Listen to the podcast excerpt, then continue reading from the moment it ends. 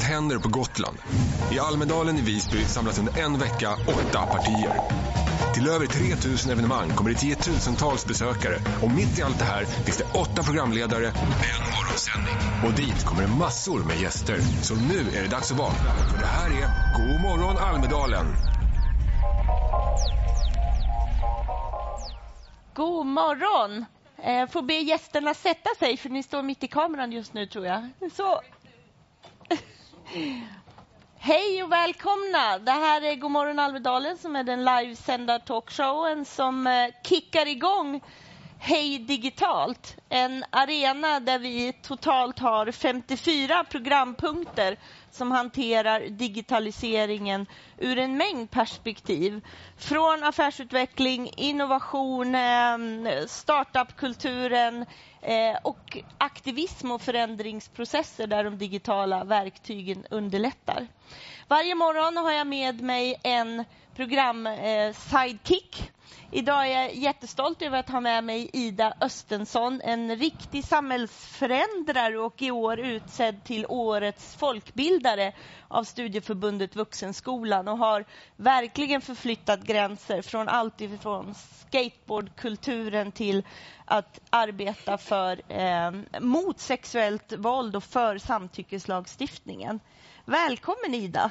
Tack! God morgon, härligt att vara här. Ja, tidigt. Ja. Men vi är tappra, vi är här. Vi är jätteglada över eh, att... Jag ska prata mer med dig om det du har gjort sen vi sågs förra året.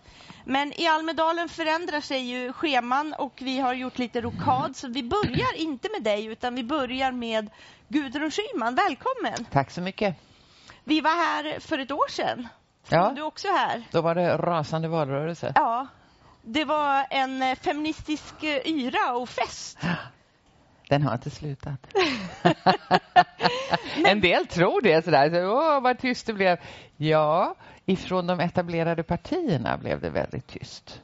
Men ja. ifrån rörelsen, den som vi byggde upp och den som pågår, den som har runt 20 000 medlemmar, där är det full fart. Och vi är ju här som vanligt. Vi har ju varje dag, vi står på Donners plats en, en timme varje dag och pratar om eh, angelägen politik. Och vi spanar ju på partierna då. Mm. Eh, vi har ju spanare med genusglasögonen på näsan varje kväll där i Almedalen och det är ju märkligt vad det är tyst om de här frågorna. Den där feministiska fernissan som de målade på förra året, den har flagat betänkligt.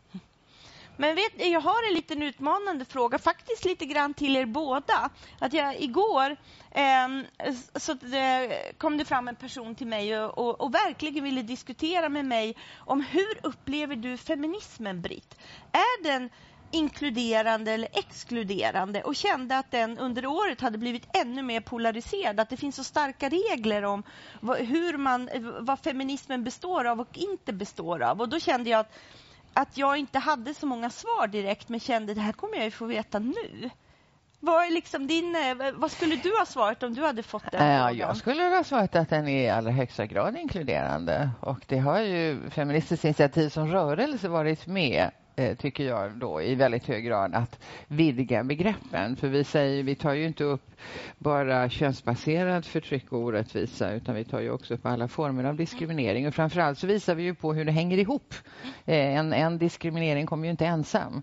Har vi, har vi ett samhälle som bärs av kvinnohat och sexism så har vi också rasism och homofobi och transfobi och, och, och eh, föreställningar om att människor med funktionsnedsättningar är inte lika mycket värda och så vidare. Det hänger ihop och det är väldigt sammanflätat.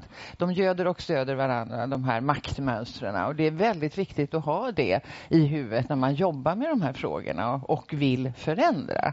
Eh, och jag, men jag håller ju med dig om att det, det, det behöver eh, det behöver folkbildas eh, om de här begreppen. För det finns en förvirring också. Ja, men jämställdhet kunde ni... Jag får ju ofta frågan, kunde ni inte kalla er för jämställdhetspartiet? Något sånt där. Man ryggar för ordet feminism. Alltså, jämställdhet är ju målet eh, verktyget för att förstå varför det ser ut som det gör, trots alla säger att det ska vara på ett annat sätt, är ju att göra en maktanalys. Och det är ju det som är feminismen. Det är ju det som är verktyget för att synliggöra hur det ser ut, hur det hänger ihop för att vi ska kunna arbeta för förändringar. Och då är målet jämställdhet, frihet från alla former av diskriminering. Jag kommer ihåg Blev det klart? Ja. Ja, Och jag tror Ida har en... Ja, nej, men jag, jag är inne på samma spår lite grann. Men när eh, Belindas program, den här Fittstim, eh, Min kamp, släpptes så tror att det var Ebba Witt-Brattström som sa tidigare så var det en majoritetsfeminism och nu är det en minoritetsfeminism. Och jag skulle säga att det är väldigt mycket tvärtom. Att tidigare så absolut var frågor som, som man kan tänka att många känner igen sig i. Man pratar mer om, om arbete och lön och de bitarna. Liksom. Men det var ju för mig. Det var ju för den här vita medelklasskvinnan som det funkade. Eh, samma sak när när eh, Fittstim, när jag läste den, det var så jag blev feminist, för jag kunde känna igen mig i det. Eh, men idag så har ju debatten gått, tänker jag, till att bli en majoritetsfeminism, att det finns tusen rörelser inom feminismen. Mm. Men i det kommer ju också normkritiken, i det kommer också diskussionerna mellan, sinsemellan, för att utvecklas. Absolut. Eh, så. Absolut. så det är positiva utvecklingssteg som man helt enkelt får fortsätta jobba med. Ja, jag tycker det är jättebra. Ja. Och det, är ju, eh, det finns ju någon föreställning om att det ska vara någonting väldigt enhetligt och det mm. kan det rimligen, rimligen inte vara. För så ser det inte varken livet eller samhället ut, att det är väldigt enhetligt och punkt och slut. Nu är det så här och så blir det inte på något annat sätt. För att vi får ju hela tiden nya kunskaper och det är viktigt att det också kommer in i den samhällspolitiska debatten. Feministiskt initiativ är ju som någon form av paraply kan man säga som, som samlar de här olika kunskaperna kunskaperna, erfarenheterna och framförallt viljan till förändring och ge den politisk riktning. Det betyder ju inte att alla är överens om allt. Och vi brukar ofta säga det att vi, vi håller inte alltid med varandra om allt men vi håller alltid om varandra. För att vi behöver den här enheten för att få en politisk riktning. Mm. Men hur skulle du beskriva arbetet sen? Hur har ni jobbat vidare? Man kan ju verkligen det som hände runt supervalåret och den här feministiska yran och också ur mitt perspektiv upplever jag det som väldigt brett. Mm. Eh, det, det, är ju ett riktigt momentum för en rörelse man bygger. Hur tycker ni ni har kunnat ta tillvara det? Ja, vi har ju fortsatt på samma tema. Vi gör det tillsammans. Och, eh, alltså jag kastade mig ut i vad jag kallar för en eftervalsrörelse efter valet. För att jag förstod att här, för det finns ett mått av besvikelse. För att många kände att nu den här gången kommer vi in i riksdagen. Och det gjorde vi ju inte. Eh, men vi kom ju in i väldigt många kommuner. Vi är representerade i 13 kommuner. Och inte bara i storstäderna utan också uppe i Kiruna, i gruvdistrikten och i den mindre staden staden Sala och i den lilla kommunen Gullspång. Så det, det, det, det, är väldigt brett, det är väldigt kul. Eh, och så jag åkte ut först till alla som hade kommit in för att lära ut hur man jobbar kommunpolitiskt. Men, och sen till alla andra som eh, har tagit valrörelsen och valresultatet som en enda stor kick-off och säger nej, nu börjar vi. Nu tänker vi bilda en grupp här i vår kommun och vi har som mål att sätta upp ett, ha ett handlingsprogram och en lista till nästa kommunval. Och nu har vi grupper på ett 80-tal ställen runt om i landet. Så att det där lilla tröstande som jag tänkte att jag skulle göra, det var inte läge för det alls. Utan nu var det liksom läge, verktyg för att vi ska kunna jobba. Eh, och så där har det fortsatt. Det är otroligt kul. Och eh, homepartyna fortsätter. Ja, Folk kan inte liksom eh, sluta med det, utan jag får ju hela tiden mejl. Kan du komma? Vi är ett gäng här som vill eh, lyssna och så. Så att det, är, det rör sig väldigt, väldigt mycket mer än vad man kan få intryck av om man läser media. Mm. Eller bara tar del av mediebruset. Eh, så att det, jag, jag tycker det är fantastiskt hoppfullt. Sen har vi ju vetenskapen eh, att luta oss emot. Och alla väl vetenskap, de som har forskat på val, säger ju att ett parti som gjorde 2% i föregående val kommer alltid in nästa val. Hur många procent får ni nästa val? Över fyra. Mm. Ja. Hur många över? Det spelar inte så stor roll på att säga. Om det blir tio. Alltså jag skulle inte, för, det, det är lustigt det där. Va? Jag, jag, skulle inte kunna sitta där på valnatten och säga det är fantastiskt märkligt att 10 procent vill ha jämställdhet. Ja, det skulle jag inte kunna säga. Att jag skulle säga att det var ju fan vilken lång tid det tog. Mm. Eller hur? Mm. Så att det, det, är liksom, det är ju inga, det är inget konstigt. Alltså, vi har ju en riksdag som har ställt sig bakom fyra jämställdhetspolitiska mål. Representation, det ska synas så att vi kan ha alla poster och positioner. Eh, ekonomisk självständighet i livet och livet ut, rättvisa löner och pensioner. Dela på föräldraansvaret och möjligheterna i den relationen. Utplåna mäns våld mot kvinnor. De fyra målen är tagna i riksdagen våren 2006 i bred enighet. Och då förväntar man sig ju program för att vi ska nå dit. För det där är ju alla mål. Hur utformar vi en politik som når dit? Det blev tyst. Mm.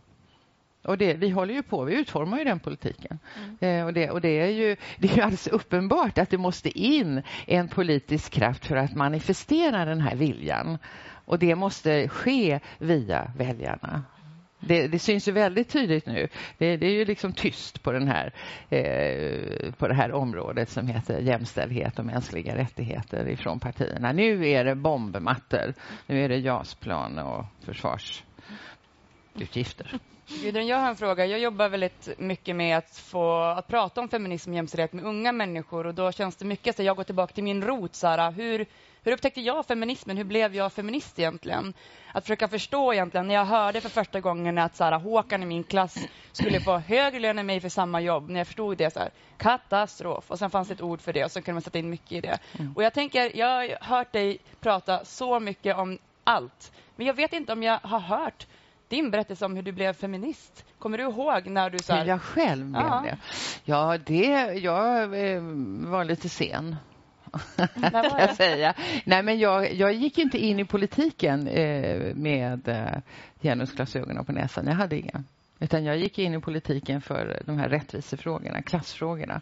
Jag kommer ju från underklass och tycker att det är viktigt med solidariteten i samhället och rättvisetänkandet och, och ekonomisk självständighet. Det har När filtret då? Det, det, det var under 90-talet faktiskt. Mm. det var ju efter att jag hade blivit vald till partiordförande. Och jag brukar ibland säga att jag hade aldrig blivit vald om jag hade varit uttalad feminist. Det hade varit alldeles för farligt för alldeles för många. Så det var ju en väldig tur kan man ju säga. Men, men när jag hade den positionen och började ge mig ut mer än vad jag hade gjort tidigare på resor och träffade folk. Och jag var omgiven av väldigt goda medarbetare som hade bättre kunskaper, teoretiska kunskaper än vad jag hade. Så började jag lägga ett pussel. För jag var ute mycket, träffade många i alla åldrar, mycket kvinnor och hörde de här berättelserna. Och jag kunde ju också börja våga titta på min egen livserfarenhet av att både vara ensamstående mamma och levt i en relation med våld och min mammas livserfarenhet. Det finns ju långa berättelser om kvinnors situation. Och alltihopa det där började fläta samman till en medvetenhet om att det här är frågor som är absolut grundläggande. Men kommer du ihåg när du sa det här? Men jag är feminist. Nej, det gick inte till så. utan Jag började driva tillsammans med andra kvinnor i Vänsterpartiet att vi skulle hissa upp de här frågorna och att vi skulle lägga en betydligt större tonvikt vid feminismen och att vi skulle skriva in det i partiprogrammet. Och Det var ett politiskt arbete, det var en politisk kamp som blommade ut på en kongress där vi till slut fick rösta om frågan. Det var inte alls självklart. För många var det helt uteslutet och för en del var det sådär. Och för, med en knapp majoritet så gick förslaget igenom. Och Det i sin tur startade en väldigt bra diskussion då i Vänsterpartiet. Och Sen fortsatte jag ju att lyfta de där frågorna tills det inte gick längre. Sen blev det ju, tog det stopp. Liksom. Men, eh, men, så det var, en, det var en process som jag gjorde i i allra högsta grad vuxen ålder. Det där är ju en intressant historia. Man upplever nog att du är född feminist. Ja, nej, eh, det är ju inte någon. Så it's never nej. too late, man Nej, det tycker jag är väldigt bra att ja. säga till alla Exakt. som sitter här. Det är verkligen aldrig för sent och vår kapacitet att ta in nytt och att lära och att utveckla växer ju med åren. Mm. Så är det ju. Vi blir ju smartare och smartare. Eh, och det behöver vi ju ha, den erfarenheten och kunskapen och oräddheten som också en viss ålder ger med sig. Det behövs verkligen i arbetet för att eh, nå jämställdhet och frihet från diskriminering. För det är fortfarande ett minerat område för många. Det ser man ju inte minst i Twitterflöden och i sociala medier. Det, man får ju man får ju stå, stå på sig. Ja, ja, ja, absolut. Det tycker jag är jätteintressant. Alltså jag, när de, de största liksom horden av hat kom när jag jobbade med jämställdhet inom skatesektorn. Jag hittade en teckning av mig själv där jag var avritad naken och ful och fet med liksom en kuk i handen och hata killar. Och så. Ja. Det var liksom på min homebase. Jag hittade ja. den där och bara, vad fan, orkar inget mer. Typ. Och så satt jag i en panel dagen efter med bland annat Maria Pia Boetius och så var det, handlade det om liksom det här motstånd och liksom, eh, hur ska vi ta oss över det för att överleva i den här kampen. Och då höll jag upp den och sa, fast nu, nu vill jag göra den här svikaren, men jag pallar inget mer. Jag lägger fan ner. Alltså, hur mycket skit ska jag behöva ta? Mm. Eh, och så sa Maria Pia, men Ida, du måste du måste lära dig att förstå en sak. Om alla kvinnor före dig inte hade kämpat, om de hade lagt ner, du hade inte suttit här idag, vi hade inte haft kvinnlig rösträtt, inte barnomsorg bara rabbla upp allting. Mm. Som sa, du måste lära dig att ta skit som en komplimang. Mm. Du ska rama in den där teckningen, sätta upp den på väggen, för det är det bästa diplomet du kan få. Mm. Och det har funkat tills typ nu, alltså det här med att ta skit som en komplimang. Jag tycker Vad har hänt inte, nu då? Nej, det är för mycket. Alltså det känns inte längre när hot och hat och livs, alltså mordhot jag, kan inte jag längre ta som en nej, komplimang. Nej, jag och du tycker... känns så jävla hårdnackad. Ja, men Hur vet du, man nej, men jag, jag behöver ett nytt råd. Jag skiter i det. Mm. Jag skiter i det. Ja. Jag bryr mig inte om det. Gör du inte det på riktigt? Nej. Du ligger aldrig hemma och gråter och känner för Nej, fan. Alltså. jag bryr mig inte om det. Jag läser inte, jag tar inte del av det. Ser jag någonting skifta förbi så jag bryr mig inte om det. Jag lägger inte min kraft där. Jag lägger min kraft på de som vill förändra. Mm. Jag vänder mig till de som står närmast, som sen vänder sig till de som står närmast, som sen vänder sig till de som står närmast. Det är att göra det tillsammans. Det är att hämta kraft där kraften finns. Jag bryr mig inte om det där. Överhuvudtaget. Även den internfeministiska? Som också... Ja, jag bryr mig inte om det heller. Nej. Och Det gör ju att jag går, jag går ju sällan in i de här ideologiska debatterna om, om eh, åsiktskorridorer och allt möjligt sånt där och identitetspolitik eller inte och, och de här eh, som, kan, som, som tar så mycket energi och som är så ofruktbara, tycker jag. Och, och som är väldigt mediala. Jag är inte där. Men jag, jag lägger inte min kraft där. Den där mm. styrkan och strategin för det tror jag är ganska viktig att prata om då. Mm. För att vi, jag, eh, senast igår hade vi se här Gilmats från Rättviseförmedlingen här som pratar om hur mycket de får kämpa mot de här riktigt strategiska vill, eh, liksom, sidodebatterna som sker. För att mm. man vet att det tar, det tar energi från dem, ja. från det verkliga arbetet. Ja. Precis. Och det, ja. jag, har, jag har bestämt mig för länge sedan att jag, jag, jag går inte in i det. För jag, behöver, jag jobbar ju jättemycket och är, jag behöver eh, eh, använda min energi på ett sånt sätt att jag får tillbaka. Eh, och jag får aldrig, du får aldrig tillbaka någonting där. Jag har ju en del eh, på, på Twitter som eh, öser på. Så det, jag bryr mig inte om det. Jag går jag aldrig tror... in i Facebook-trådar. Så från ta skit som en komplimang till bryr inte, inte det nya? Ja, jag, jag tycker alltså det är inte det. Är inte det. Om folk har problem så har de problem. Det är inte ditt problem. Mm. Det där är ju ett sätt som jag har lärt mig genom åren i förhållande till väldigt mycket. Inte bara sånt här, utan överhuvudtaget att se vem är det som har problem här egentligen. Ja, det är inte jag. Utan man får lägga det där det hör hemma. Och jag har inte problem med att vara feminist eller att vilja ha jämställdhet och vilja jobba för de här målen. Jag har absolut inga problem med det. Jag har problem med att vi inte är där ännu. Och, och, och då jobbar jag för att vi ska ta oss dit med de verktygen som eh, jag tycker står till buds i en demokrati. Eh, och jag möter ju många som vill. Mm. Eh, och Det ger mig mycket kraft och mycket energi. De som inte vill, de kommer inte att vilja. Och de kommer Först när det är klart så kommer de att säga ja, har det inte alltid varit så här? Mm. Jag har i alla fall aldrig haft någonting emot jämställdhet, mig veterligen. Nej. Kommer de att säga. Nej. Och då, då, då, får de hålla, då får väl den processen hålla på där. Men jag, jag är inte där och jag är inte hos de här uttalade sexisterna. Och, men det är intressant att notera vad som händer när man lyfter specifika frågor. Jag har ju varit inne och är ju ganska mycket i den här försvarspolitiska debatten som jag tycker skulle vara en säkerhetspolitisk debatt och som skulle handla om mänsklig säkerhet.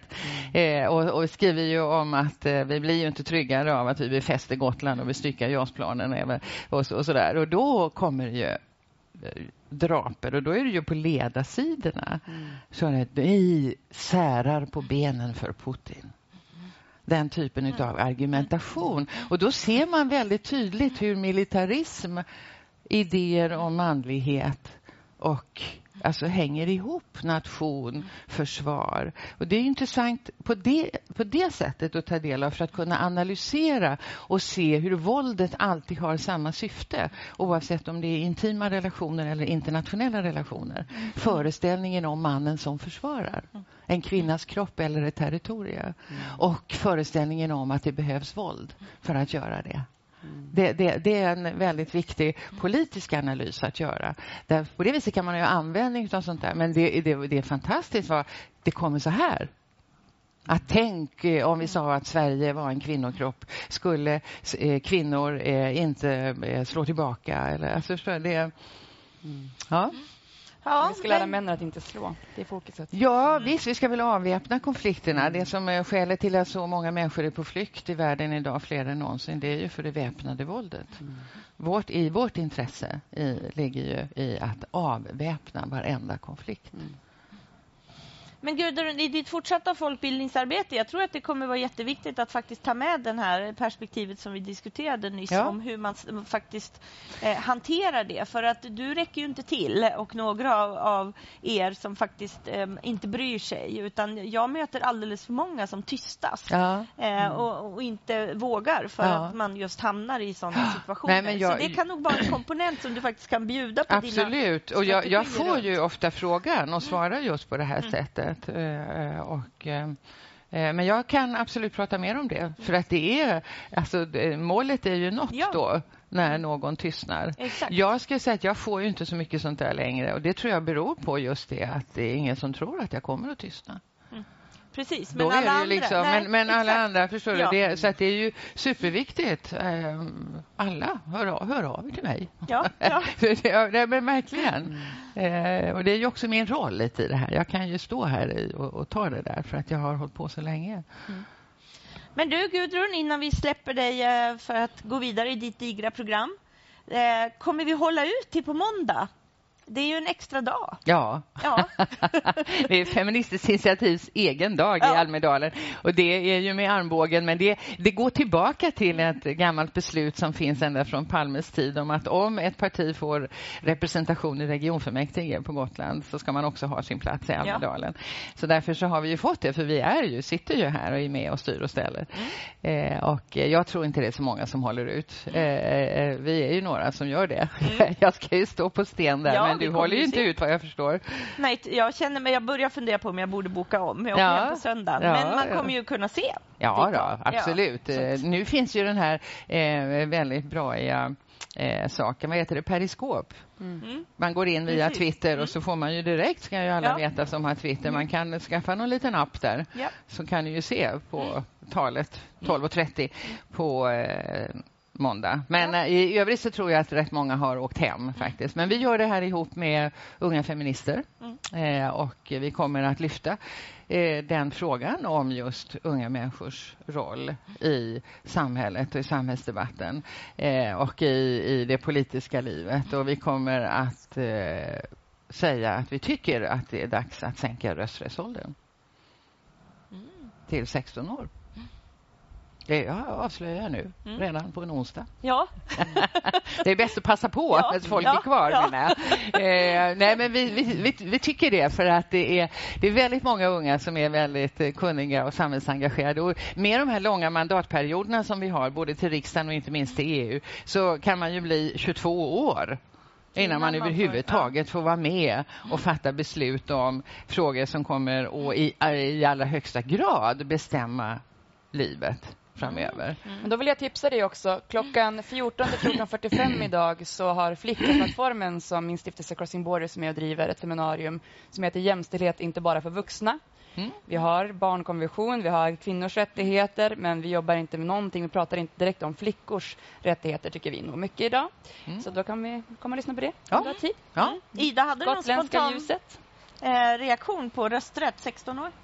Eh, ja, bra. bra. Ja. Alltså, men ut med politiken i skolan i sådana ja, fall. Ja. Eh, för idag så är så... Inte, man, man, lär sig om hur många platser det är i riksdagen, inget annat. Nej. Det är det som jag tycker är så bra, att eh, ett, ett sånt beslut skulle också föra med sig ett helt annat ansvar för skolan. Mm att eh, ta upp hela diskussionen om vad är demokrati. Mm. Och jag märker ju när jag är ute och har mina homeparten som ju är i väldigt hög grad en, en grundkurs eh, i demokrati att det är ju jättehål jag ja, träffar ju jättemånga unga som mm. säger jag har aldrig förstått det här riktigt mm. förut. Och partiernas roll och ideologiska utgångspunkter. Unga, det är ju vuxna. Ja, både unga och vuxna. Men, också, mm. alla mm. är ju behov av ja. det där. Liksom. Eh, och där har ju skolan en jätteroll. Ja, det är kanske är nyckeln då. Om vi sänker röståldern då måste vi börja ja. prata politik. Ja, det måste vi. Exakt, exakt så. Jag Absolut. hoppas det här, har ni twittrat ut detta nu här mm. ordentligt? Ja, det håller på. Det är bra. Nej, men det finns ju organisationer som, som stödjer stödjer det här. Så det är inte bara taget ur luften. Nej. utan Det finns ju både fakta och forskning som stödjer. Men det finns ju en rädsla hos många politiker Att åh, de här ungdomarna. Så det, jag, jag, tror det är helt nödvändigt. En vital demokrati kräver att väldigt många är med. Och Då ska man inte eh, gå i en hel ungdomsperiod och inte få vara med utan Nej. bara finnas i kanten. Och om kvinnor och unga var de som röstade så skulle ju Fi ha vad var det, över 20 procent. En ljusnande framtid. Ja. Det är väl en bra avslutning ja. på den här sessionen. Ja. Stort tack för att du kom Gudrun. Ha tack en fin Almedalsvecka fortsatt. Tack. Tack, hej. Tack. hej. Vi ska fortsätta eh, och faktiskt prata lite mer om dig, Ida. Oh. Årets folkbildare, det är sjukt stort. Ja, det var väldigt fint. Väldigt fin nominering också. Och det är precis vad du är. Mm. Ja. Ska vi eh, medans eh, eh, vi ska kanske som en liten övergång få lyssna lite på ett TEDx-prat eh, du hade i eh, Umeå. Mm. Eh, som en liten introduktion till att prata lite mer om dig och ditt förändringsarbete. Bra. Folkbildning i svengelska kommer. Ja. Absolut. I want you to consider the possibility that you can be both the victim and the perpetrator. That you can be both the problem and the solution. Do not take anything for granted. You might have crossed someone's line and someone might have crossed your line. Your child, neighbor, friends might have crossed someone's line or someone might have crossed their. The jokes during the coffee breaks might be a part of a rape culture.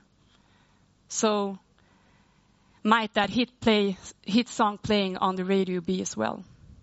Start to criticize, start to question, start talking, start with yourself. Thank you.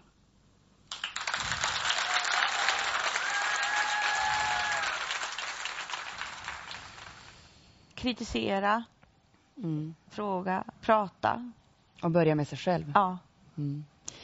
Det, det här var ett eh, tal som eh, handlar om, om fattarrörelsen och fattarman som också uppkommit från det. Mm. Fattarrörelsen kämpar mot sexuellt våld och för samtycke i praktik och lagstiftning som jag tillsammans med tre andra startade för lite mer än två år sedan. Eh, och när vi startade Fatta så var vi fyra kvinnor som startade det och vi sökte liksom inte upp aktivister utan de kom bara till oss och det var bara kvinnor och de som kom på våra event var nästan bara kvinnor och de som följde oss på sociala medier var nästan bara kvinnor och vi började upptäcka att shit, vad händer? Det här är allt annat än en kvinnofråga. 98 procent av de anmälda förövarna är män. Vi måste göra någonting. Och jag har startat mycket riktade satsningar inom mansdominerade aktiviteter och kulturyttringar. Så tänkte jag, nu är det dags för en riktad satsning för män, för kompetensen är väldigt låg här för män. Så vi startade Fatta man. Mm eh, som en satsning för män att eh, ta ansvar och bli en del av förändringen. Eh, och där så samlade vi ihop lite artister. Det var eh, Erik Rapp och Param och två till som eh, gjorde en, en låt som hette just att man börjar med det börjar med mig, att börja med sig själv. Mm. Och det är det jag pratar om, att vi kan stå där och skrika fuck alla våldtäktsmän. Mm. eh, jag hatar våldtäktsmän. Men att börja tänka, men vänta nu, vem är den där då? Det är hundra om dagen. Mm. Alla känner någon som blir våldtagen, men nästan ingen känner en förövare.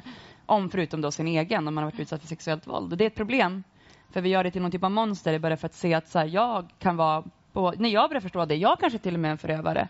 Vad vet jag? Jag kanske inte har kollat av gränsen alla gånger. Mm. Jag vet att jag är ett, en del av, och jag är ett offer. Jag har varit utsatt för sexuellt våld, men shit, tänk om jag också är en del av för att vara en förövare. Och Det är viktigt att börja förstå att vi alla kan vara en del. Vi kan både vara offer och förövare i samma person. Och Det är inte först då jag tror vi kommer börja komma åt det här gråzonen och se eh, vart det sexuella våldet är. Liksom. Att hela tiden reflektera över den delen och, och mm. göra någonting åt det. Mm. Det, det, är ju det här just steget från att inte bara konstatera att så är mm. Eh, är ju ofta så... Det har varit det som är the stepping point för dem som, som faktiskt sätter igång saker och ting. På fredag kommer vi träffa David Batstone här som har dragit igång Anti-Slavery mm. och var just i en sån situation eh, där man, okej, okay, ska jag bara konstatera här och veta och, och, ja, kanske prata lite om vad man reagerar mot i, i det fallet trafficking-frågor. Mm. Eller ska jag på riktigt göra någonting åt det? Men hur den här, du gör ju hela tiden saker. Mm. Jag är inte heller så rädd. Nej, precis. Gudrun landade i det. Ja. Och det är, får man den här orädslan. Eller jag tror mer att jag, jag, jag vet, när jag var så här ung eh, på mellanlåg och mellanstadiet så kallade min fröken mig för polis. Eh, och då var det i väldigt negativ mening att jag la mig i allting hela tiden. Liksom. Eh, och det är svårt att säga så här, när började det och varför. Och jag har fått kämpa med det där, att inte lägga näsan i blöt och inte vara en så här sticka i fingret och nagel i ögat. Utan så här, försök hålla mig på mattan som fina tjejer ska. Liksom. Men det är som att det inte går. Alltså, jag är ganska oallmänbildad för jag vågar inte kolla så mycket runt i världen för att om jag ser någonting så får jag panik om jag inte kan göra någonting åt det. Så det är så här, okej, jag smalnar av och så, nej, nu kom det någon grej ändå, jag måste göra något. Eh, så ja, det är någonting som är bara att jag måste göra någonting och att jag är väldigt bra på att ta hjälp. Hitta andra som Ja. också vill samma sak. Och kompetens. Alltså jag kunde ju ingenting om sexualbrott eller Ja. hur ser liksom sexualbrottslagstiftningen ut? Hur jobbar man med frågan? Vad, det här med samtyckeslag, det kom ju upp efter jag började dra igång och ville samla in berättelser och prata om det sexuella våldet. Eh, och jag tror att det är också en del av att inte vara rädd, att inte känna att olika territorium, vem får prata om vad eller kan jag ringa den? Eller, utan jag kan ringa upp så här, professor i straffrätt Ja. och bara, hej, alltså jag har en fråga, vad innebär samtyckeslag? Kan du berätta? Alltså, Mm. eh, jag tror att det är just den grejen, att inte vara rädd för olika typer av hierarkier och makt, utan att eh, be om hjälp, eh, våga släppa ifrån sig så att många kan vara med, att det blir folkrörelser. Det var ju en kampanj som min stiftelse Crossing Borders med Fantastic startade och sen var det så stort så det blev en rörelse och nu så har vi blivit en egen organisation. Att det är inget egenvärde att vi ska driva det här ensamt utan nu finns det en egen förening där jag också sitter med i liksom, men som driver vidare det här och det är också det att när det då liksom kan stå på egna ben och drivas vidare utan att min röst alltid måste höras då har jag utrymme och tid att göra något nytt. Och det är mycket det tror jag. Ja. Ja, det är sjukt inspirerande. Och den historien, och om vi har Gudruns hemläxa med att prata ännu mer hur hanterar hat och hot på det sättet som jag verkligen ser och hör att det tystar folk, Mm. så är det, ditt, det här rådet om att faktiskt inte behöva ha koll på allt men att vilja reagera och agera och gå ut och be om hjälp är ett fantastiskt råd och viktigt råd att ge. Och sänka garden. Och jag tror att också, för jag, när man ser då, när jag har varit så tacksam när folk har sett mina luckor och mejlat mig så här, du jag hörde det här uttalandet, jag vet inte om du har läst den här forskningen, men du kanske bör tänka på det här. Ja. Så här, tack, fan vad grymt. Mm. Så här, jag visste att det var någonting där som inte kändes rätt så. Och det är det, så tänker jag att det är viktigt att vi bemöter varandra, att det ska vara intern feministisk konstruktiv kritik där vi verkligen kan lyfta varandras frågor och hjälpa varandra framåt. Ja, ska vi gå över till eh, nästa gäst genom att ändå höra lite på Fatta man-låten? Mm, absolut. Kör vi den.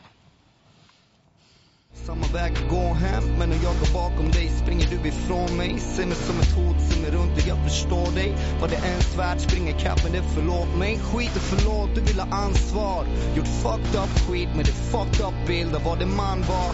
Pappa gråt en flod, pappa gråt en flod. Ja, du hörde mig, ditt arv dör med dig. välja något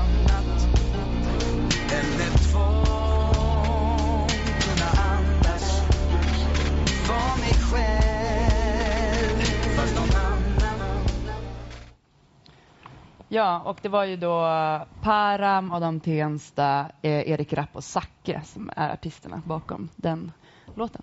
Mm. Mm. Tillsammans med Fatta man. Ja. Nu har vi fått in en ny gäst. Har den stora äran att ha Anna-Karin Hatt, kommande ny VD för Almega. Precis. Kul att vara här. För ett år sedan var du här i en annan roll. Ja, Ja. som IT och energiminister. Strax i brinnande valrörelse. Det var ett lite annat tempo i Almedalen då kändes det. Det är ju fullt upp nu också. Man förvånas ju över att det varje år kan liksom växa. Men, men det är klart att den nerven som är ett valår, den är inte riktigt där eh, ett sånt här år. Nej, men nu har du en ny slags spänning och lite annat fokus. Du är lite mittemellan. När formellt är du första dagen på jobbet? Ja, första dagen på jobbet blir nog den 17 augusti men formellt tillträder jag den 15 så jag hoppas att det inte händer någon kris där på helgen som gör att jag måste in på lördagen. Men, men, nej, men det är spännande för mig för att jag har ju, för mig mm, har ju Almedalen alltid varit den politiska delen av Almedalen och nu är jag ju här som tillträdande VD och då blir det ju att då träffar man lite andra typer av människor rör sig i andra sammanhang och diskuterar andra frågor framför allt. Även om idéerna som jag har drivit eh, tidigare, de har jag ju med mig fortfarande och kommer fortsätta driva i, i rollen som VD för Almega. Men det är ju spännande att vara i en sån där brytningstid när man är på väg från en mm. tydlig punkt till en annan tydlig punkt. Mm. det är spännande. Men känner du att Almedalen är så? För att ibland tänker jag det är så härligt på Almedalen för här möts liksom det offentliga mm. och det privata och civilsamhället och det är en stor gemensam mm. politisk kamp. Men när jag går runt sen och kollar på mingel så är det så, ah, där var unga från civilsamhället, där var näringslivsgänget, gubbarna och ja, där var offentlig sektor och kvinnorna. Alltså, det känns väldigt så uppdelat när man kollar runt. Och nu sa du att du känner att du har träffat, att du har bytt, men det är lite olika människor du träffar när du går liksom från eh, Ja, men så här är det, jag, jag tycker både och är sant. Mm. Eh, Britt och jag stod häromkvällen när vi stötte på varandra på, på Hästgatan, bara en korsning. Mm. Eh, och för mig är det Almedalen när det är som bäst. Man står i en, en korsning och så kommer alla möjliga människor mm. och, stöter på varandra. Nu är jag ju ett känt ansikte så det är klart att det är lättare att bli kontaktad av människor från både civilsamhället och näringslivet och politiken för den eh, delen. Men, men som jag upplever Almedalen så är det både de här mötena, enkla möten över gränserna som jag vill liksom kapa. Å andra sidan så är det ju, jag menar minglen, de, det är en inbjudningslista. Man bjuder in dem man känner. Så att det finns både och. Och jag skulle säga över tid så har det blivit mer av både de här slutna sällskapen och de öppna eh, gemenskaperna. Går man tillbaka bara för tio år sedan så var ju Almedalen mycket, mycket mindre. Det har ju liksom svällt enormt från år eh, till år. Jag tror att en effekt av det blir att, att det också det är svårt, man kan ju inte ha överblick över allting som händer där. Ibland eh, något år när jag inte har varit på plats i Almedalen alla dagar så har jag ibland kunnat känna att det är nästan lättare att ha koll på vad som blir liksom utkomsten ifrån Almedalen från fastlandet. För att här är det ett sånt enormt myller och brus att man, man, man ser liksom det man själv är i och i övrigt är det jättesvårt att hålla koll. Så. Mm. Både och skulle jag säga. Mm. Mm. Så man får helt enkelt ställa sig på ett sånt strategiskt ja, det har ju plats och bara Och bli känd först. ja, ja jo, nej, men det kan ju vara, det kan ju vara en, en mm. fördel. Men å andra sidan så, så, upplever jag att det är ganska ofta, inte minst om man är någon som folk känner igen, så, så är det ju väldigt många helt civila som har åkt hit bara för av liksom eget intresse som faktiskt kommer fram och tar kontakt. Och det där är ju någonting som vi i Sverige, jag tror inte vi förstår hur unikt det är. Eh, det är otroligt eh, speciellt att vi har så låg auktoritetstro i vårt land så att vi kan skapa en sån här mötesplats. Och det märks också i andra delar av samhällslivet, alla andra dagar på året, att vi, vi kan samverka mellan politik och näringsliv och civilsamhället på ett mycket, mycket enklare sätt än vad man kan göra. Bara, det räcker med att gå till Danmark eller till Finland så ser det helt mm. annorlunda mm. ut. Och det här det här är någonting speciellt som, som skapar ett kitt i vårt samhälle som vi kan använda om vi vill göra komplicerade omställningar, till exempel hållbar omställning eller något sånt framöver. Så det är mm. unikt. Mm. Men eh, berätta, mm, om du ska ge så här hisspitchen, Almega, vad gör ni? Vi gör den väldigt enklare. Vi banar väg för tjänsteföretagen står för den växande delen av, av svenskt näringsliv. Det sker ju en enorm omvandling av Sverige här och nu och inte minst av näringslivet här och nu där ju tjänsteföretagen, framförallt de kunskapsintensiva tjänsteföretagen, ju växer väldigt starkt. Tittar man de senaste 20 åren så är det ju den delen av näringslivet som har vuxit och vuxit. Mm. Eh, och Almega är ju tjänsteföretagens röst både i rena kollektivavtalsförhandlingar. Vi är ju en arbetsgivarorganisation och mm. började ju som det. Men vi är också en branschorganisation som ska föra fram tjänsteföretagens eh, villkor, beskriva vad händer om man höjer arbetsgivaravgifterna väldigt kraftigt för företag som där kanske den största kostnaden är just eh, att anställa. Eh, vad händer om man begränsar möjligheten att driva företag i, i välfärden till exempel. Eh, så att det, det är uppgiften att å ena sidan se till att vi får bra villkor i kollektivavtalsförhandlingar när vi ska förhandla med facken. Å andra sidan se till att politiker och beslutsfattare förstår konsekvenserna av olika politiska beslut för tjänst, eh, tjänstesektorn och kunna se till så att vi får så bra förutsättningar som möjligt för att verka och växa. Mm. Vad är den viktigaste komponenten för, för den fortsatta tillväxten? Så? Ja, jag tror att skulle, om man skulle plocka ut 100 tjänsteföretag, mm. lite olika, det kan ta från liksom taxiföretag till IT och telekomföretag och bemanningsföretag och utbildning och, så och ställer frågan vad är det största hindret för er att växa idag så skulle nog merparten av dem säga att det är kompetens. Det är bristen på, på kompetens och svårigheten att få tag på rätt kompetens tillräckligt eh, snabbt. Och där har Sverige ett antal utmaningar som vi måste ta i det för, för kostsamt eh, att anställa. Eh, jag menar, är det så att man väljer att höja, som regeringen gör nu, höja kostnaderna för att anställa, så får det konsekvenser om det är så att man, man eh, eh, lägger en stor del av sin eh, budget där. Men vi har också andra bekymmer. Vi har för låg kvalitet i den högre utbildningen. Där skulle vi behöva höja kvaliteten så att de som kommer ut ifrån högskolan är mer anställningsbara. Det är lite för många företagare som säger att vi vill anställa unga, men de är inte riktigt färdiga när de kommer ifrån utbildningssystemet. Mm. Och då blir liksom jämförelsen mellan en ung människa och en äldre som kanske då är full fullt upplärd, den blir liksom inte riktigt rättvis och det är risken att den som är ung hamnar liksom i ett bakvatten. Men sen finns det andra saker som man behöver titta på. Förutsättningarna för kompetensinvandring till exempel alldeles för, för trögt och för stelbent. Och det, det här är ju saker som gör, det finns och matchningen på arbetsmarknaden där vi å ena sidan har människor som är arbetslösa men som inte då har rätt kompetens i förhållande till företagets behov. Så att jag tror kompetensfrågor i vid bemärkelse kommer vi att behöva diskutera väldigt mycket mer framöver. Inte, både för att se till så att företagen kan få tag på rätt kompetens mm. men också för att vi som enskilda ska känna en trygghet i den här omställningen. För det, det, är min absoluta tro att människor, eh, och det är också min egen erfarenhet när jag som VD tidigare har varit med och liksom hållit människor i handen för att kunna gå vidare till en annan typ av sysselsättning. Att om man kan klara ganska svåra situationer. Man kan klara att tappa jobbet som individ om man vet att det finns en tanke på hur jag ska kunna komma vidare i en annan sysselsättning och i ett annat eh, jobb eller kanske eget företagande. Men då behöver vi diskutera en del av de där sakerna som vi pratade mycket mer om på 90-talet. Alltså hur kan man som individ förfoga över ett livslångt lärande? Eh, hur kan man liksom hitta en trygghet i omställningen? Gör vi inte det så tror jag att då är risken att människor blir rädda och då liksom drar man sig lite undan. Då, då är det andra typer Typ av värderingar som inte vore så bra för Sverige tror jag, som riskerar att växa sig starka. Så kompetensfrågorna är en av ett kluster av frågor som kommer vara otroligt viktiga för oss att adressera för att tjänsteföretagen och många andra företag ska kunna ha tillräckligt och det är digitalisering, globalisering, det är den typen av frågor som ligger i kompetensrastret också. Ja, ja. det gör det absolut. Jag menar, det är ju en så bred, det, det mm. träffar ju liksom nästan alla som mm. finns på arbetsmarknaden, digitaliseringens eh, effekter. Och där, där är det ju viktigt att se att, jag menar, vi är nästan alla som finns på arbetsmarknaden idag är digitala migranter. Det är ganska få som är digitala infödingar. Mina barn och de som växer upp nu, som växer upp med de här möjligheterna, för dem är det mycket mer eh, en självklarhet. Men, men ta i den svenska skolan till exempel, som jag har sysslat mycket med tidigare. Alltså en av nycklarna, ett av svaren när man ställer sig frågan hur kommer det sig att vi inte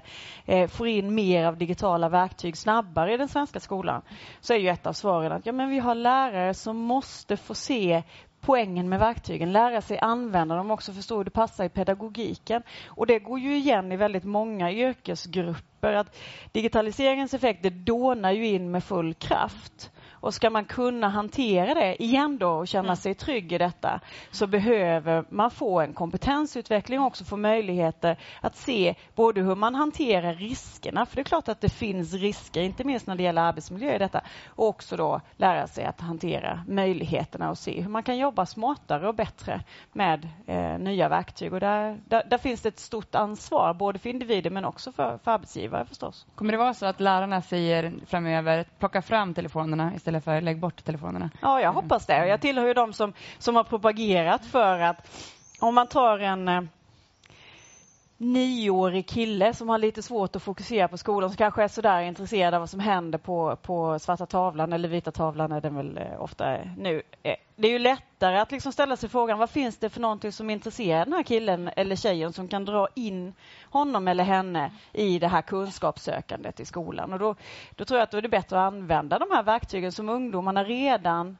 är bekväma med och bekanta med, men göra det på ett medvetet sätt. Sen ska man också vara väldigt medveten om när man inte ska använda dem. Säg att du har en typ av lektion där det absolut, vi ska inte använda digitala verktyg, utan här ja men ha då modet som lärare att säga att idag lägger vi mobiltelefonerna här. Vi använder dem inte just under den här. För det är ju så, jag menar de digitala verktygen är väldigt rätt i vissa sammanhang och ibland är de inte det. Och det, det måste liksom eh, pedagoger och rektorer se och klara av att hantera och sätta liksom gränser för vad är, det, vad är det nu i den här undervisningssituationen som vi ska jobba med. Mm. När Britt berättade för mig att, jag skulle, att du, Almega skulle vara med, ja. att du skulle vara med härifrån, mm. så, så sa jag Almega, det, det är de som gör de har 3D-printers där nere. De gjorde det så här, äh, gubbarna liksom, äh, på alla partiledare. Så här, äh, vad gör de mer?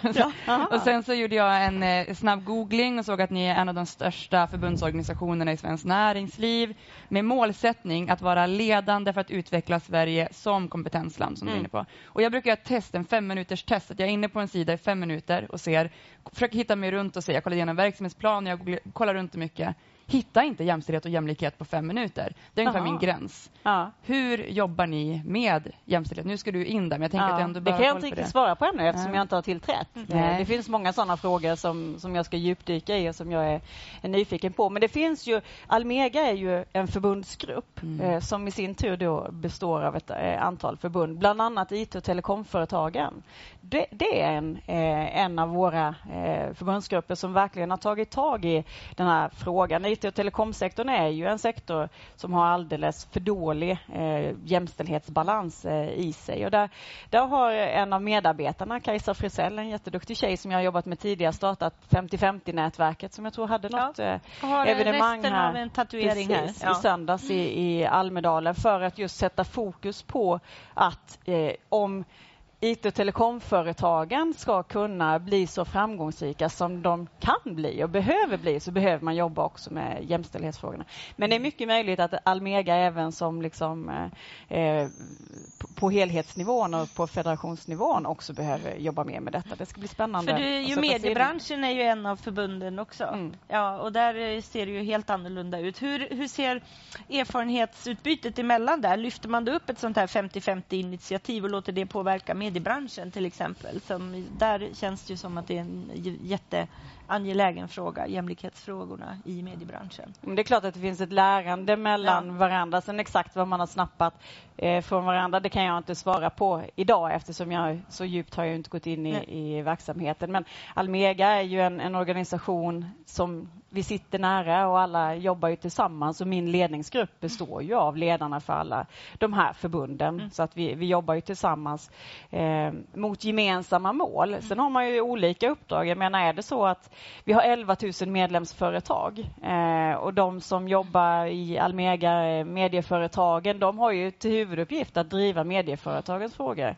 utbildningsföretagens frågor, lite och telekomföretag. Ganska ofta så har vi ju lika behov, men det finns ju också områden där behoven är eh, olika beroende på, på vad man behöver för förutsättningar för att kunna växa och verka. Och det är ju lite av tjusningen med den en federation, att det, en, det, blir en mångfacetterad organisation där man å ena sidan behöver låta liksom tusen blommor blomma. Mm. Eh, å andra sidan så för att bli slagkraftig så behöver man hitta vad är det som är det gemensamma. Vad, vad ska vi kraftsamla för att se till så att den här omvandlingen som sker av näringsliv som ju i grunden är bra för Sverige. För jag menar, det är ju en ja. av våra framgångsfaktorer i den globala konkurrensen att faktiskt kunna konkurrera med vår kunskap och kunna konkurrera med ett högt tjänsteinnehåll. Eh, och då behöver man jobba smart, både jobba tillsammans och ibland faktiskt eh, se att det kan vara smartare att jobba var och en för sig. Mm. Vi fick en fråga om hur Almega jobbar med kulturen. Ja, jag får väl återkomma till det eftersom jag har ju faktiskt inte tillträtt eh, ännu så att eh, jag kan inte riktigt svara på det i dagsläget. Eh, om du står här eh, om ett år, mm. som vi hoppas, eh, om du har lyckats i ditt opinionsarbete, eh, sådär, en sak som du skulle vilja ha åstadkommit under den perioden? Ja, det som väntar framförallt nu det är ju lönerörelsen. En avtalsrörelse som vi går i, det är liksom uppstart nu och som vi går in i här vid eh, årsskiftet ännu mer skarpt. Och det är klart att det är otroligt viktigt att vi kommer ut ur den på ett bra sätt, att den ger tjänsteföretagen ännu bättre förutsättningar att verka och att växa. Eh, både att kunna liksom attrahera eh, till, tillräcklig kompetens och, och, kunna konkurrera om eh, kompetensen men också att eh, den kan ge tillräcklig flexibilitet att kunna hantera både uppgångar men också nedgångar. För det är klart att i den, den näringsliv som nu växer fram så är det, det händer saker väldigt snabbt. Vi är utsatta för en stark global konkurrens i Sverige. Och ska svenska tjänsteföretag kunna hantera det så behöver det finnas en flexibilitet eh, på arbetsmarknaden som gör det möjligt att både anställa men sen också kunna parera när, i tider när det är lite tuffare. Mm. Har du någon avslutande fråga, Ida? Eh, nej, bara en reflektion. Jag hörde ju ganska nyligt att inom IT och tech startup så är det färre kvinnor nu, att det går ned, det går bak där. Så jag tänker att det är superviktigt att det körs satsningar och jag blir glad över att det är ju det som är grejen just inom IT och startup. Jag var på en träff där det var bara kvinnor. Vi var 40 stycken, alla som skulle jobba med jämställdhetssatsningar. Och där pratade vi om att här, nästa gång så borde vi ha typ starta en hashtag, skicka en man eller någonting. För det finns väldigt många kvinnor inom den branschen som engagerar sig, som har organisationer och olika kampanjer och vi måste få in männen att engagera sig mm, och mm. ta tag i det. Så det skulle jag vilja skicka med också. Männens ansvar i jämställdhetskampen inom mm. Almega. Mm. I de olika mm. Och det är jätteviktigt tycker jag. Jag mm. menar det, apropå det här med att liksom samla kraft så gör vi ofta så. Eh, att vi, liksom, vi träffar likasinnade och så samlar vi kraft tillsammans. Men, men vid någon tidpunkt så kommer man ju, ska det hända tillräckligt mycket tillräckligt fort så måste det bli en angelägenhet eh, för fler. Så att jag, jag håller med dig om att jag menar, jämställdhetskampen är ju inte, får ju på det sättet inte vara liksom liksom en kvinnokamp utan det är en, en, eh, någonting som alla som tycker att det är viktigt och angeläget behöver få vara med och engagera sig i för då, då kan det hända mer, mycket snabbare. Ja, vi behöver ha kul ihop, de som kämpar för det. Inte sitta och prata om hur ser problemen ut, för det kan vi. Så mm. det är det, hur ser problemen mm. ut? Där måste rätt målgrupp in. De mm. som blundar för det idag måste vara där. Mm. Vi säger tack Eh, Anna-Karin, jag hoppas du får en skön semester och det blir spännande att följa dig på ditt nya arbete som VD för Almega. Mm, eh, innan du går ska vi se vad som har hänt eh, i natt. Eh, vi har ju nämligen nattskiftet som gör spaningar åt oss eh, över vad, hur det har sett ut i Almedalen på natten. Ja, vad spännande. Mm.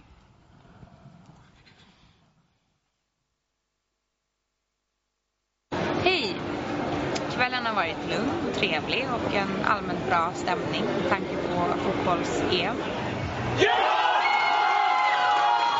Vi har gått runt och vi har pratat med folk och haft intressanta samtal kring civilkurage och trygghet. Och det vi har märkt är att alla känner sig inte trygga här. Vi vill därför påminna om allas rätt till trygghet oavsett kön, ålder, etnicitet, religion, sexuell läggning eller könsidentitet. Vi vill också påminna om att civilkurage inte bara handlar om att gripa in i fysiska situationer utan även också stå upp för andra när någon känner sig diskriminerad eller kränkt. Tillsammans kan vi skapa ett tryggt samhälle och tillsammans tar vi natten tillbaka. Ja, då ska vi fortsätta med två nya gäster. Vi har eh, äran att ha Johan, jo, Johan inte alls, Jonas Nordling från Journalistförbundet. God morgon. God morgon, god morgon. God morgon. Mm. Och sen har vi också någon som är ny i sin roll, nämligen Johanna Jara Åstrand från Lärarförbundet. Välkommen. Tack så mycket. Ja, ska vi börja med dig? Eh, Almedalsveckan i din nya roll som ordförande. Hur har den varit hittills? Intensiv, eh, otroligt berikande och energigivande måste jag säga, trots ett eh, högt och hektiskt tempo. Du har varit här många gånger förr. Du, det här är faktiskt min första gång i Almedalen och första gången i Gotland. Men helt fantastiskt, för jag tänkte som lärare att du kanske hade varit på, i, i, den andra rollen för att Lärarförbundet är ju fantastiska på att ha med sig många. Eller hur? Ja, under eh, veckan här. Och, och, vi kan ju vara på så många ställen eftersom vi är så många. Och berätta, vad har ni drivit för fråga den här veckan? Man har sett er gå omkring med några stora pappfigurer. Några stora pappfigurer, precis. Eh, vi har drivit den eh, samhällets och Sveriges skulle jag säga största utmaningsfråga. Det vill säga att vi måste bli, bli fler lärare. De här pappfigurerna måste bli riktigt kött och blod. Eh, och jag tror att vi har 150-200 pappfigurer här men de behöver sällskap av, av 65 000 fler lärare om bara tio år. Det är ju otroligt utmanande. Mm. Och sen vet vi hur man... Hur man ja, men hela diskussionen om, om lärarrollen och eh, hur rekryteringen till lärarhögskolorna eh, ser ut. Ja. Du får köra ett Paradise Hotel för lärare på något sätt. Att det är ett lur. Lura in det med att alla söker till Paradise Hotel. Det är fler tydligen som söker till Paradise Hotel. Ja, det där har jag lite problem med den mm. jämförelse. Ja, få höra då. ja, nej, jag, jag, jag, tycker det är oerhört problematiskt att, mm. att eh, det, det, är ju verkligen att eh, blanda äpplen och päron eh, mm. på, på, ett sätt. Vad är din reaktion kring den typen nej, av... men jag håller absolut ja. med.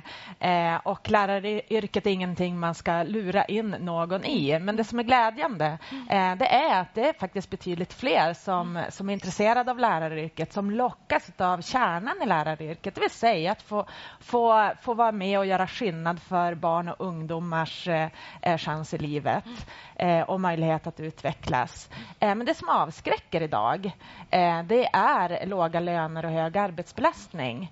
Eh, men det kan man ju göra något åt. Så får man extra pengar av statsministern under Almedalen också. Så här, så. så det, det, är väl noterbart just med det perspektivet att så få lockas av läraryrket. Så det måste ju ändå vara dagens eller veckans snackis ur lärarperspektivet. Så. Nu tar jag din roll ja, här. Ja, det, det, ja, ja. det blir så när man står bredvid en journalist. Ja, men hur, den, hur var reaktionerna kring det hos er då? Ja, men det är en helt nödvändig satsning och det är ett viktigt steg i att göra läraryrket mer attraktivt. Nu har ju regeringen tagit fram den här satsningen i samråd med parterna eh, och det i sig också ett, eh, ett riktigt bra sätt att arbeta. Eh, vi är överens om att lärarkåren måste värderas högre. Eh, och Det är bara så vi kan få fler att vilja bli lärare och dessutom stanna kvar som lärare. För idag är det inte bara kort kö till lärarutbildningen. Det är tyvärr också så att många lärare överväger eller har redan lämnat eh, yrket och värderas högre i andra branscher. Och då är det ändå en yrkesutbildning eh, som läraryrket är. Var, eh, var ni här tidigare så att ni hörde Gudruns eh, och Feministiskt initiativs förslag om rösträtt eh, från 16 år? Ja, jag kom där på slutet, ja. så det hann jag höra. Och då ja. landade Ida i den reflektionen som jag verkligen delar, att det där det ställer ju krav på skolan just i relation till hur eh, undervisningen i de här frågorna sker eh, och att det kanske blir en nyckel där. Ja, men absolut. Vi har ett stort demokratiansvar som, som lärare i skolan. Eh, det blir ofta mycket fokus på, på kunskapsutvecklingen och kunskapsresultaten. Men de innefattar ju mer än, än reda kunskaper. Det innefattar ju också att man måste få möjlighet att som lärare bidra till barn och ungdomars eh, motivation och intresse att eh, ta huvudrollen i sitt eget liv som jag verkligen uppfattat att du har gjort och, och känt att du har måste göra. Mm. Eh, men, men också den här känslan av att jag spelar roll eh, och att jag kan vara med och påverka och få rätt saker att hända. Eh, och här är, det ju, här är det ju väldigt mycket som har betydelse eh, och framför allt vilka förutsättningar elever och lärare eh, får i, i klassrumssituationen att jobba just med med, med ansvars och demokratifrågor. Men det är intressant för att när jag gick i skolan, jag, jag, hittade någonstans där tvåan på gymnasiet nyckeln till att jag, för jag hatade skolan, men jag älskade kunskap och jag fick inte ihop det där liksom. Till slut så var jag på en utbildning, jag blev elevrådsengagerad och var på en utbildning med riksorganisation och så sa de så här, men det finns ju, liksom, du kan ju påverka din undervisning. Läraren är ju där för dig, eh, inte tvärtom. Så här. Så, Jaha, okej, hur gör man då? då? Så, ja, men, kolla egentligen på kursmålen och kolla på betygskriterierna. Det är där det står vad du ska lära dig så, i det. Jaha, är det sant? Så kom jag tillbaka och så sa jag det till min rektor. Jag hade ju ett privilegium, jag var elevrådsordförande så jag fick vara så här, testkanin på vår skola och, och pröva att jobba med handledning. Eh, då jag fick mitt eget kursupplägg. Så när mina kursare då läste, jag tror att det var natur B, där det är ju om eh, genetik och genteknik och cellen och evolution och så vidare. Och där skulle vi läsa om doping och de gjorde ett arbete och ett prov, en muntlig red, ja, massa olika grejer. Och jag fick gå in och se film och göra olika analyser av det. Så gjorde jag ett arbete som knöt ihop alla de som var kopplade till biologisk och socialt kön och andra saker som jag var intresserad av. Mm. Och helt plötsligt så fattar jag varför jag var där. Jag förstod vad som stod i kursmålen. jag förstod betygskriterierna, vad innebär analys och så vidare. och det tycker jag vi måste ta till i skolan. Alltså, det är så problematiskt när det är uppbyggt på ett sätt som passar för så få elever. Och Vissa skolor är fantastiska på det här och vissa skolor är fantastiskt dåliga på det här. Eh, och Det gör att mitt, min, mitt politiska intresse det kom just i det, att hitta den här nyckeln och börja röra om i grytan och göra på mitt sätt. Ja, men du pratar ju om någonting som är så otroligt centralt. Det är ju självklart så att alla som går i skolan de ska få möjlighet att nå toppen av sin förmåga. Men vägen dit kan ju se så olika ut. Vad man går igång på, vad som motiverar, vad som intresserar. Mm. Eh, och I läraruppdraget så ligger det ju ett ansvar att kunna individanpassa. Eh, men idag har vi en arbetssituation för lärare, tyvärr, där man är på tok för arbetsbelastade eh, och där lärarna vittnar dagligen och, och kontaktar mig och säger att men vi, tänk om vi kunde få ägna oss åt mm. det som faktiskt gör skillnad, det som känns meningsfullt. Det jag vet tänder det här eh, intresset eller eh, liksom, den nyfångna kunskapen. Mm. Eh, istället för att sitta till exempel med otroligt mycket administration eller hela tiden känna att man måste mota eh, detaljstyrande eh, politiker. Ja, inte bara politiker, vi hörde Anna-Karin Hatt här före. Precis. Före detta väldigt, politiker. Ja, förvisso. Men, men hon hade ju väldigt detaljerade tankar om hur skolan skulle utföra sitt uppdrag, vilket är intressant. Som faktiskt kanske, nu är inte jag Lärarförbundets ordförande, men jag tyckte att det lät lite väl detaljstyrt för att komma från en kommande Almega-VD. Mm. Och det är väl skolans Nu vill någon kommentera problem. det här på en gång. Så. Mm.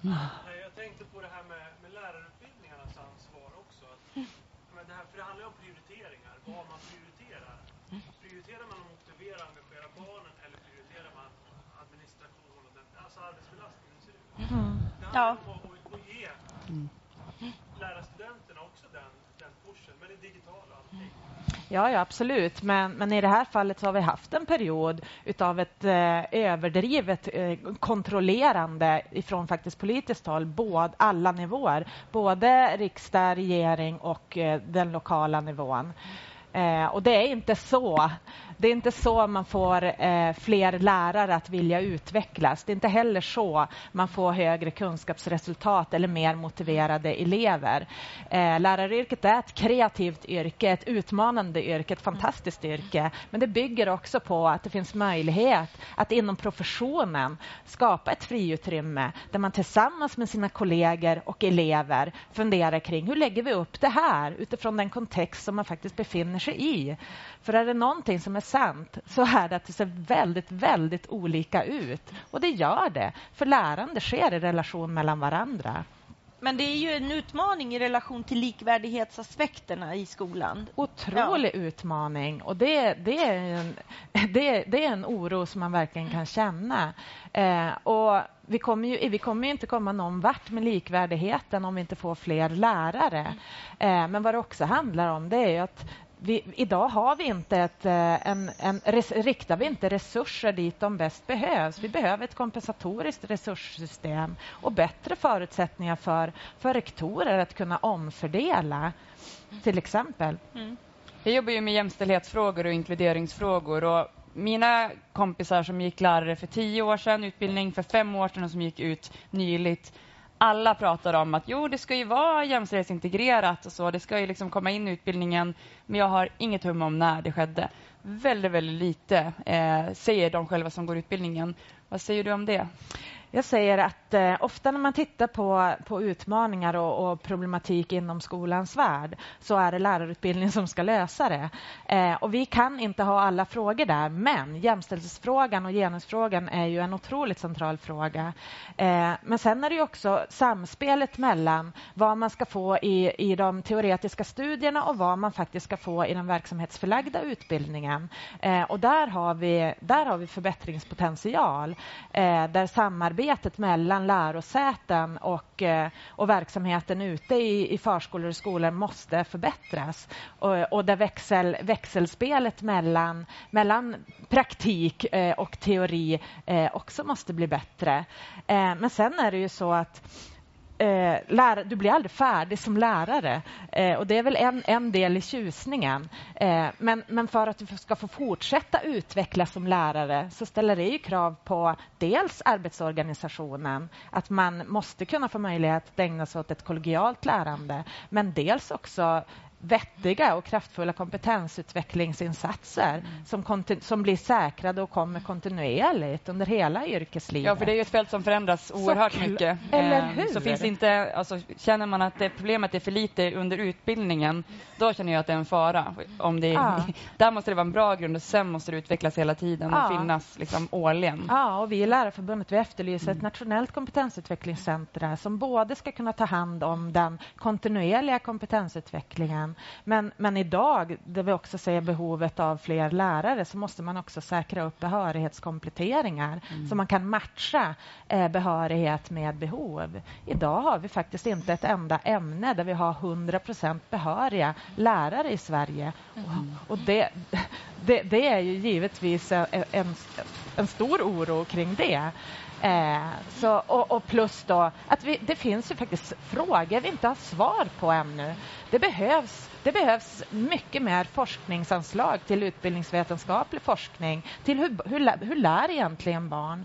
Eh, och här tycker jag att det, det normala vore väl att skolan gick lite i bräschen och att lärare verkligen också fick beforska vår egen kunskapsgrund och mm. ställa de här viktiga frågorna. Idag är det alldeles för mycket frågor som ställs som vi inte ens visste att vi behövde svar på. Mm. Jag vet att eh, du ska iväg så vi ska slippa, släppa iväg dig eh, och jag ska bara skicka med dig att ni måste ta tag i digitaliseringen i skolan. Det har vi konstaterat på den här arenan flera gånger i veckan. Och det är jag så, håller jag så ja. mycket med om. Och det är både en kompetensfråga och en resursfråga. Exakt. Stort tack för att du kom. Eh, vi ska säga hej då till dig och samtidigt ska vi få ett litet eh, blankspot-tips som en liten ingång till nästa diskussion.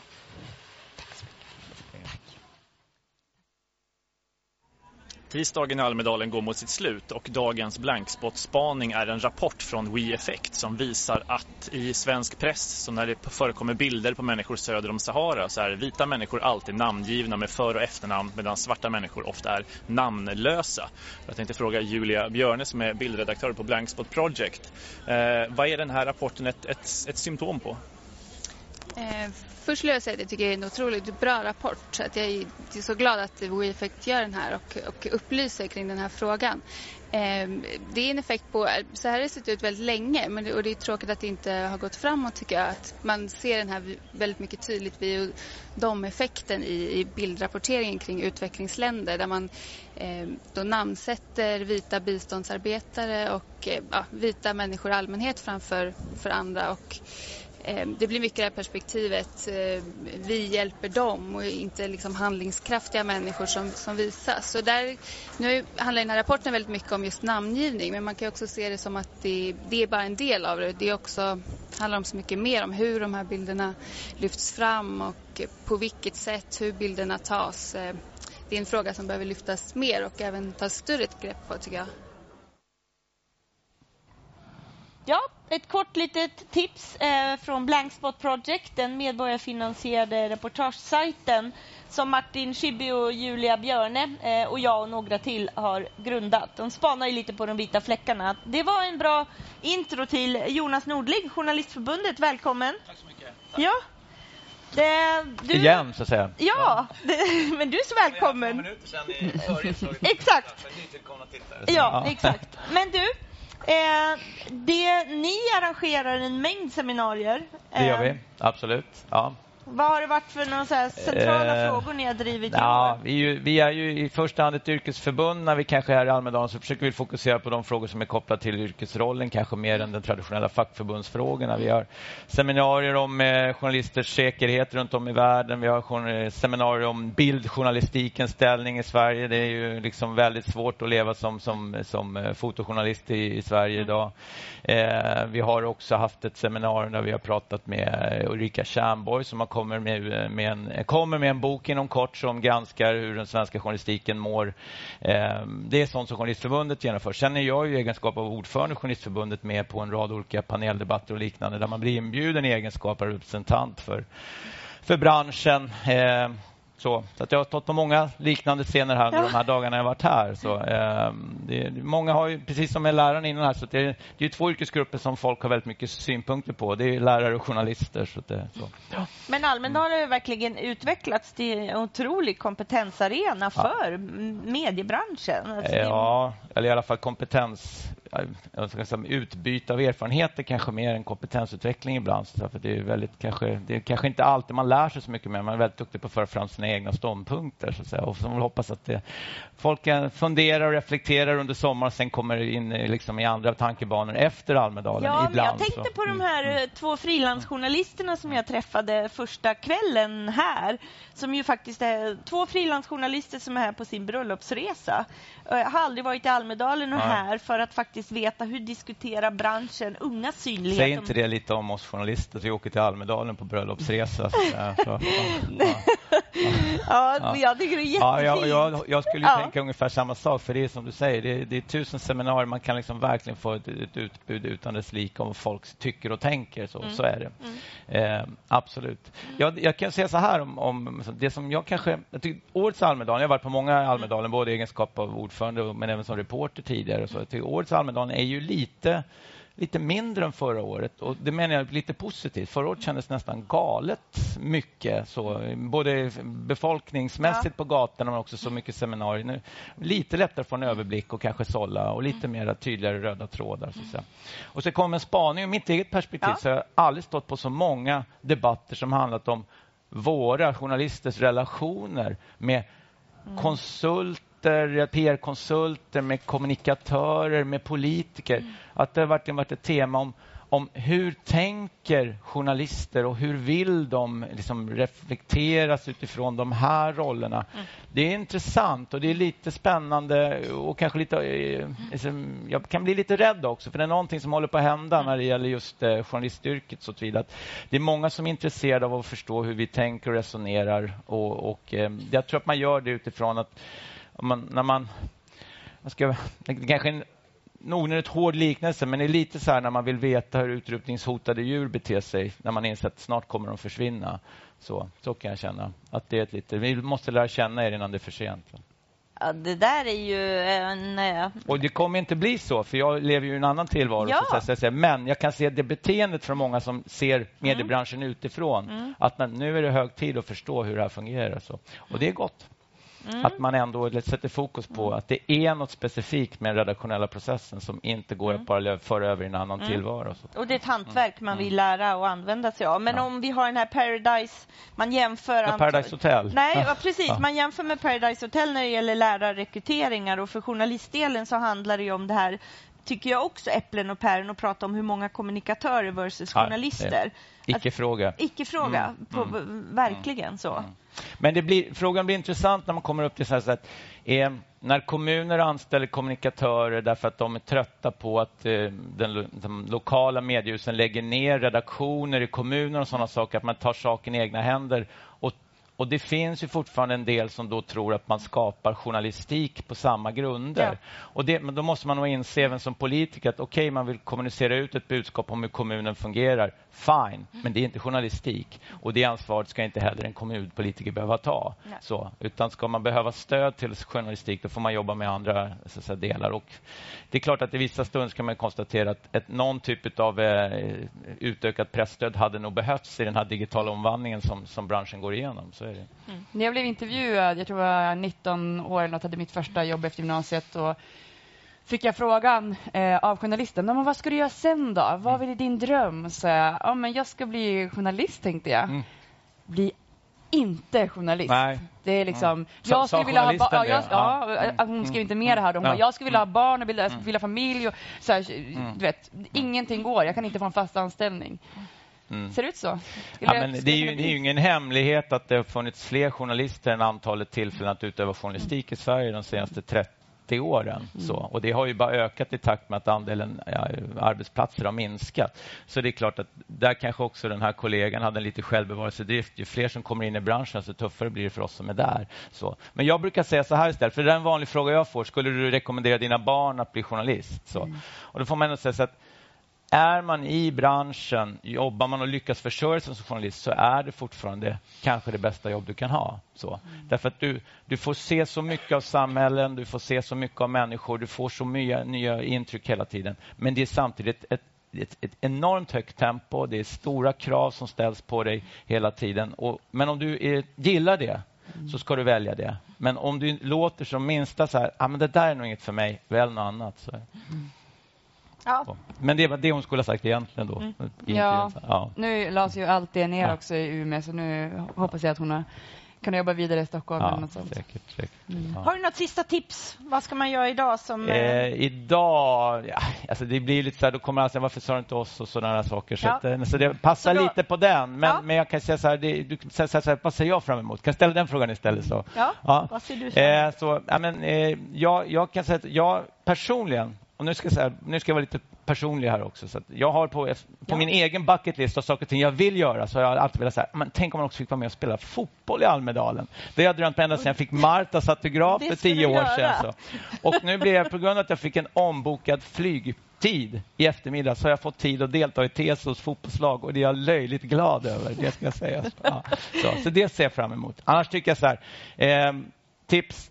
Eh, Mingla på, eh, i, träffa folk, prata med någon du inte känner. Det är ju tipset nummer ett när man är i Almedalen. Så, så Lär känna någon ny och sen så ser du en öppen dörr, gå in och lyssna. Så. Mm. Mm. Stort tack för att du kom. Ja, tack själva hörni. Tack. tack. Ja. Nu ska vi ta ett snabbt byte av gäst. Vi ska hälsa Carl Heath från Interactive Institute välkommen. Tack så mycket. Hej. Hej. Ni har jobbat med ett spännande eh, initiativ som heter Open Almedalen. Ja, det stämmer.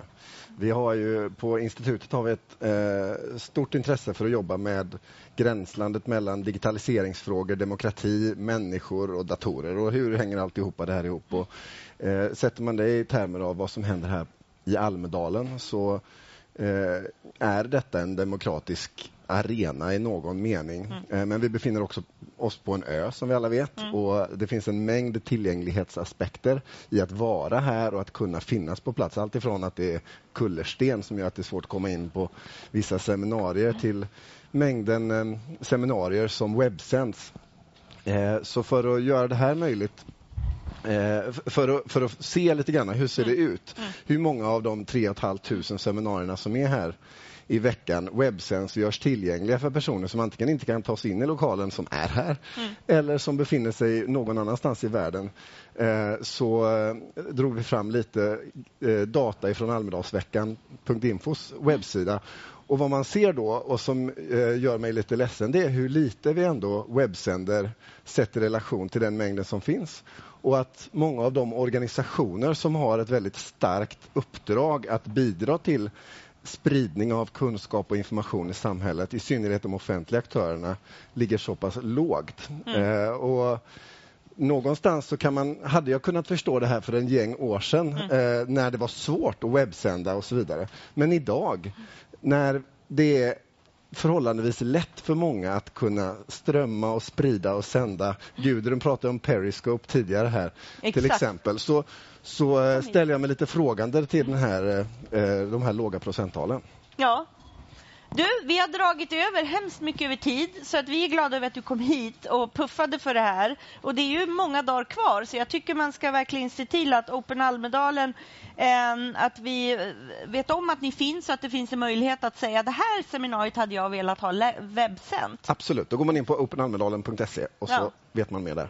Det är perfekt. Och vi är ju glada för att allt livesänds här. Och eh, jag säger tack till dig Ida. Vi kommer lägga ut i flödet våra tips för dagen. Yep. Eh, och så säger vi tack och hej till er som har tittat här. Och så hälsar vi alla som står i trappen välkomna in på nästa seminarium som börjar om tio minuter. Tack så mycket Karl. Tack. tack. Tack. att jag fick vara med. Ja, ja i år igen. Ja, tack.